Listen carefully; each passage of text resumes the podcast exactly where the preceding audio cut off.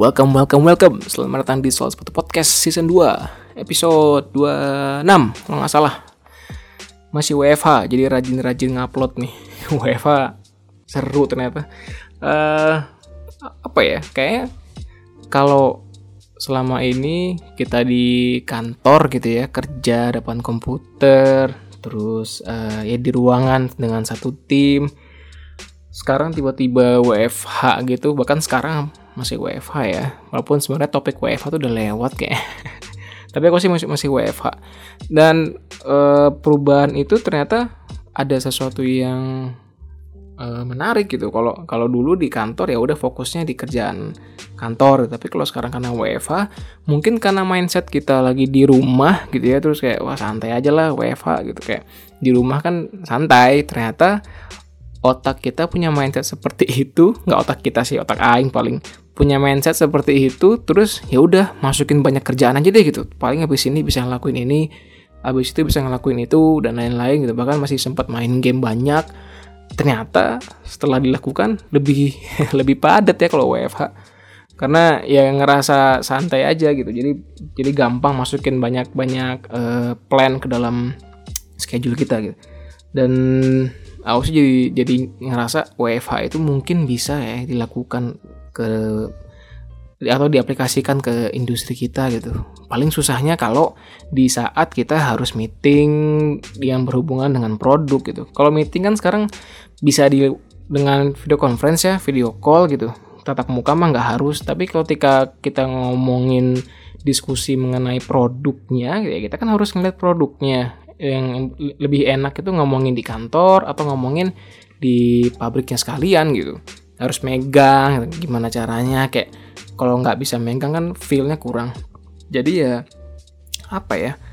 Jadi ya e, ketika masalah itu kayaknya kalau sudah bisa diselesaikan gitu ya bakal seru sih WFA aku sih lebih suka WFH ya. So far sih menarik sih ngerjain WFA maksudnya kita tidak terdistraksi oleh orang lain. Seenggaknya aku pribadi ya. Kalau di kantor kan e, ngelihat kerjaan orang lain, uh udah nyampe sini nih gitu. Atau ngerasa ketinggalan atau ngerasa kurang kreatif karena ngeliat teman sebelah tuh lebih kreatif gitu. Maksudnya distraksinya lebih banyak walaupun bisa kita akalin juga.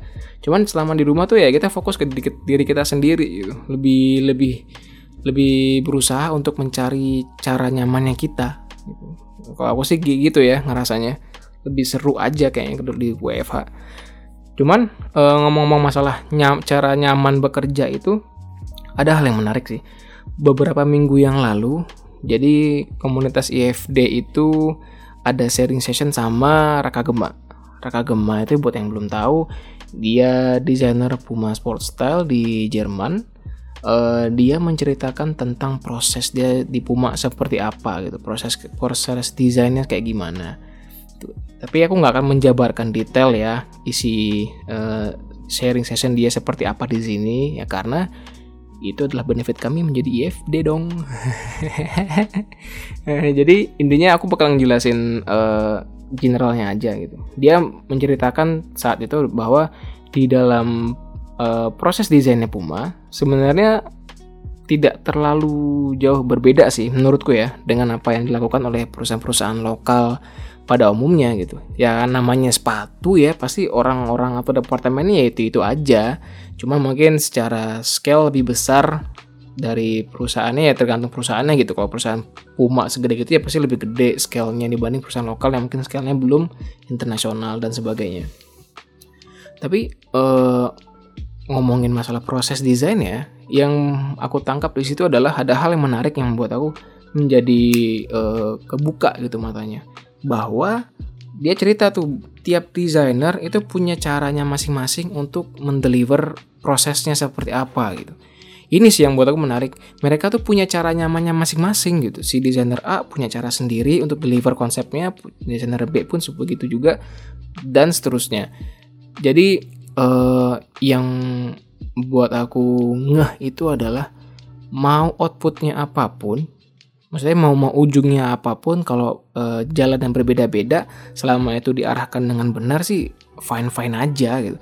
Karena kan selama ini kalau aku pribadi ya waktu kuliah tuh udah uh, banyak mendengar dari dosen mungkin atau dari senior gitu. Kayak cara caranya uh, mendesain tuh kayak gini loh gitu. Ya pertama harus cari brief misalkan terus cari inspirasi cari reference terus explore. Walaupun itu nggak salah ya. Cuman uh, kemarin itu yang pas Raka sharing itu tuh ngebuka mata banget ada cara lain loh gitu. Maksudnya ya nggak harus kayak gitu juga. Lu harus nemuin cara nyaman lu sendiri seperti apa gitu. dan dan ini yang menarik sih. Aku mau sejak saat itu aku mulai mencoba untuk mencari nyaman cara nyamanku sendiri seperti apa gitu. walaupun sebenarnya itu nggak gampang ya karena ya kita harus sering-sering ekspor cara macam-macam gitu. Yang mana kalau udah nyoba-nyoba cara macam-macam tuh waduh capek. Apalagi kalau dicobain ke kerjaan ya. Kerjaan kan dituntut deadline ya. Ada deadline terus gimana kapan waktunya bereksplorasi. Karena di kita sendiri perusahaan lokal kan ini nggak cuma spek ya. Kayak hampir semua perusahaan lokal yang ku tahu ke timeline kita sebenarnya nggak nggak beda sama yang brand global gitu ya secara timeline itu. Rentang waktunya tuh mirip-mirip. Cuman ya kalau brand global si apa ya timnya itu udah solid gitu. Timnya udah jelas job desknya. Bukan udah jelas ya tapi kayak lebih udah terstruktur lu kerjain ini gua kerjain ini kayak udah ada sudah ada responsibility-nya masing-masing. Nah kalau perusahaan lokal yang mana banyak yang masih uh, timnya tidak sebanyak itu karena masalah masalah scale-nya nggak nggak segede itu juga ya. Makanya mereka nggak membutuhkan orang sebanyak itu juga. Sehingga kerjaan kita tuh banyak yang uh, apa ya all in one gitu loh. Mungkin kalau di luar gambarannya ya di luar ada sampai ada sendiri desainer CMF gitu. Color material and finish ada sendiri desainernya. Kalau kita ya ngerangkap semuanya gitu dari warna brief terus segala macam sampai bahkan untuk penentuan tekstur pun juga dari kita gitu uh, yang mana seru juga sebenarnya ada sisi positif negatifnya ya dari dari hal itu. Cuman um, melihat timeline yang mirip tapi dengan job desk yang agak padat di kita ya. Kalau gue bilang job desknya lebih padat di lokal sehingga waktu kita untuk eksplorasi itu kurang gitu loh. Maksudnya uh, kita lebih karena dituntut SKU yang banyak dalam satu season misalkan kita ya keseringan makainya pakai sistem reverse engineering gitu ya. Jadi ngelihat apa yang ada terus kita kita breakdown itu ya entah itu teknologinya sistemnya atau strukturnya atau apa pun konstruksinya uh, terus kita aplikasikan ke desain kita gitu. Itu kan namanya reverse engineering. Di enggak jadi enggak enggak di build dari awal terus timbul outputnya tapi di outputnya apa yang bisa kita ambil kita tarik ke belakang. Itu sih uh, terjemahanku dari reverse engineering. Nah kayak gitu. Sehingga uh, menemukan proses nyaman tuh agak sulit. Walaupun aku punya temen ya beberapa yang sudah punya cara nyamannya mereka masing-masing gitu dan dan masih bisa catch up dengan timeline dari perusahaan. Itu salut sih buat orang-orang yang udah bisa kayak gitu. Nah, jadi balik ke yang keraka tadi, dia punya cara nyamannya untuk mendeliver konsep, untuk me mengerjakan proses yang yang baik menurut dia, terus ya udah outputnya tetap tetap sesuai dengan eh, tujuannya gitu. Nah itu sih yang pengen pengen aku kembangin sekarang gitu. Seenggaknya buat aku sendiri itu yang masih kurang gitu. Untuk untuk eksekusi ya aing mah pede ya buat masalah sketsa mah aing bisa lah ya, render juga oke. Okay. Tapi kan untuk masalah mendapatkan ide itu yang masih kurang. Bahkan di waktu di pensol pun dulu ada jadi di pensol itu ada sesi pitching pitching idea gitu. Kita tiap awal minggu itu kita pitching itu pasti bahasa Indonesia nya pokoknya kayak kita diskusi terus kita submit ide. Kira-kira lu mau bikin apa nih gitu. Apalagi di awal-awal kelas ya waktu di pensol. Uh, bikin konsep gitu. Nah itu tuh aing lemah banget gila bikin itu sampai sampai semalaman dari pagi sampai malam ditungguin teman satu tim itu kayak nggak nemu nemu idenya. Mereka yang lain tuh teman lain satu tim tuh udah udah udah nemu beberapa ide gitu ya dan menarik.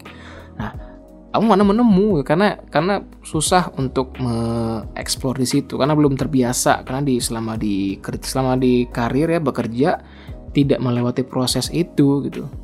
Sehingga lemah di situ. Jadinya waktu uh, Raka cerita itu aku jadi flashback lagi. Oh, iya ya, Aing tuh lemah di sini loh. Sehingga Aing uh, lihat-lihat lagi atau atau ingat-ingat lagi apa yang kurang ya ternyata di situ di proses desainnya masih lemah. Walaupun aku sering ngomong di webinar, sering ngomong di mana lah di podcast juga proses itu penting bla bla bla. Tapi ya saya jujur saya agak kurang masalah proses. Maksudnya untuk menemukan ide yang menarik itu agak susah gitu karena karena belum terbiasa. Tapi sekarang udah mulai mencoba untuk membiasakan.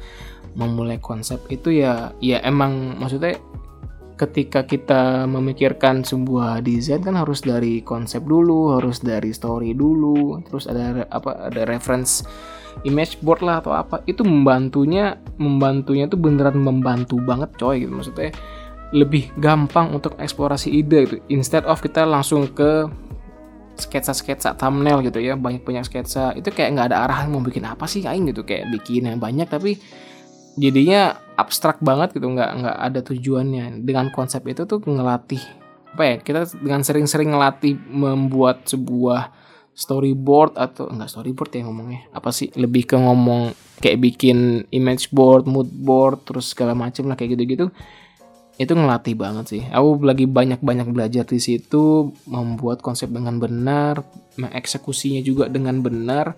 Bahkan uh, aku ingat dari katanya Hamam uh, Hamam tuh desainernya Pana iya. Desainernya Concave iya. Full Forum juga iya. Gila sih.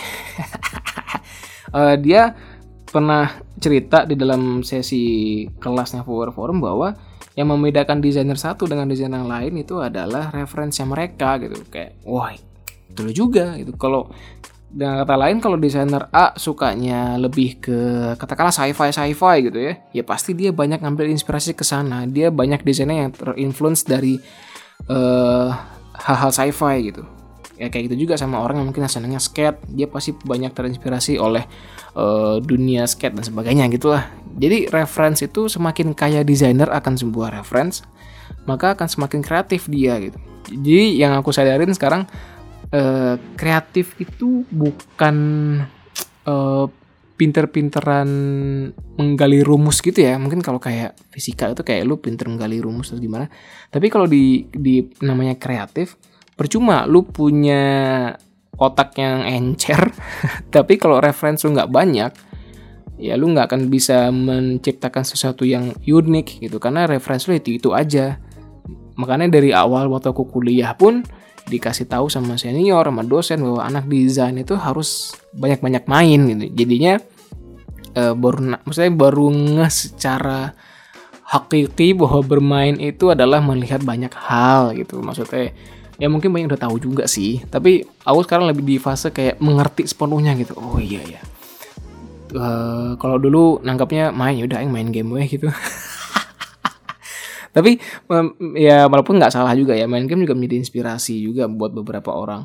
Maksudku uh, memperbanyak referensi harus harus mencoba banyak hal atau melihat banyak hal sampai banyak yang bilang oh traveling dong gitu gitu, gitu. ya traveling juga membuka membuka mata banget sih um, ya hal-hal gitu ya kita uh, ini saranku sih buat aku sendiri dan buat yang dengerin juga kalau kalian uh, pengen meningkatkan ide kreatif kalian ya perbanyaklah reference gitu kalau kalian anak sepatu kalau aku sendiri sih yang sebagai UI designer harus lebih sering ngelihat toko, mesti toko-toko sepatu, datengin, cobain, pegang-pegang, itu udah basic lah. Terus sering-sering lihat banyak tempat, banyak-banyak uh, ngelihat profesi lain itu penting banget sih sebenarnya.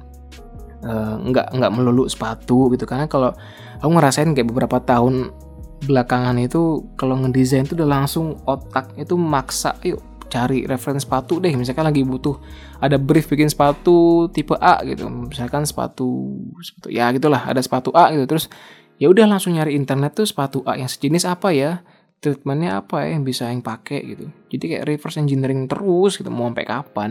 Lebih enak kita ngebuat sesuatu yang baru kan lebih seru. Dan hasilnya pun kalau unik itu wanjay keren ya. Gitu. itu sih. Ya itu doang sih. Kalau kalau uh, ada dari kalian yang punya atau di fase yang sama bolehlah kita ngobrol-ngobrol di Instagram. Ntar Aing lagi jadi temen nih biar Aing nggak sendirian karena telat nyadarnya kalau kalau proses uh, atau ide kreatif tuh harus seperti itu gitu. Ya jangan lupa kalau mau tanya-tanya bisa ke Instagram @jgaru sampai jumpa di episode selanjutnya. Bye bye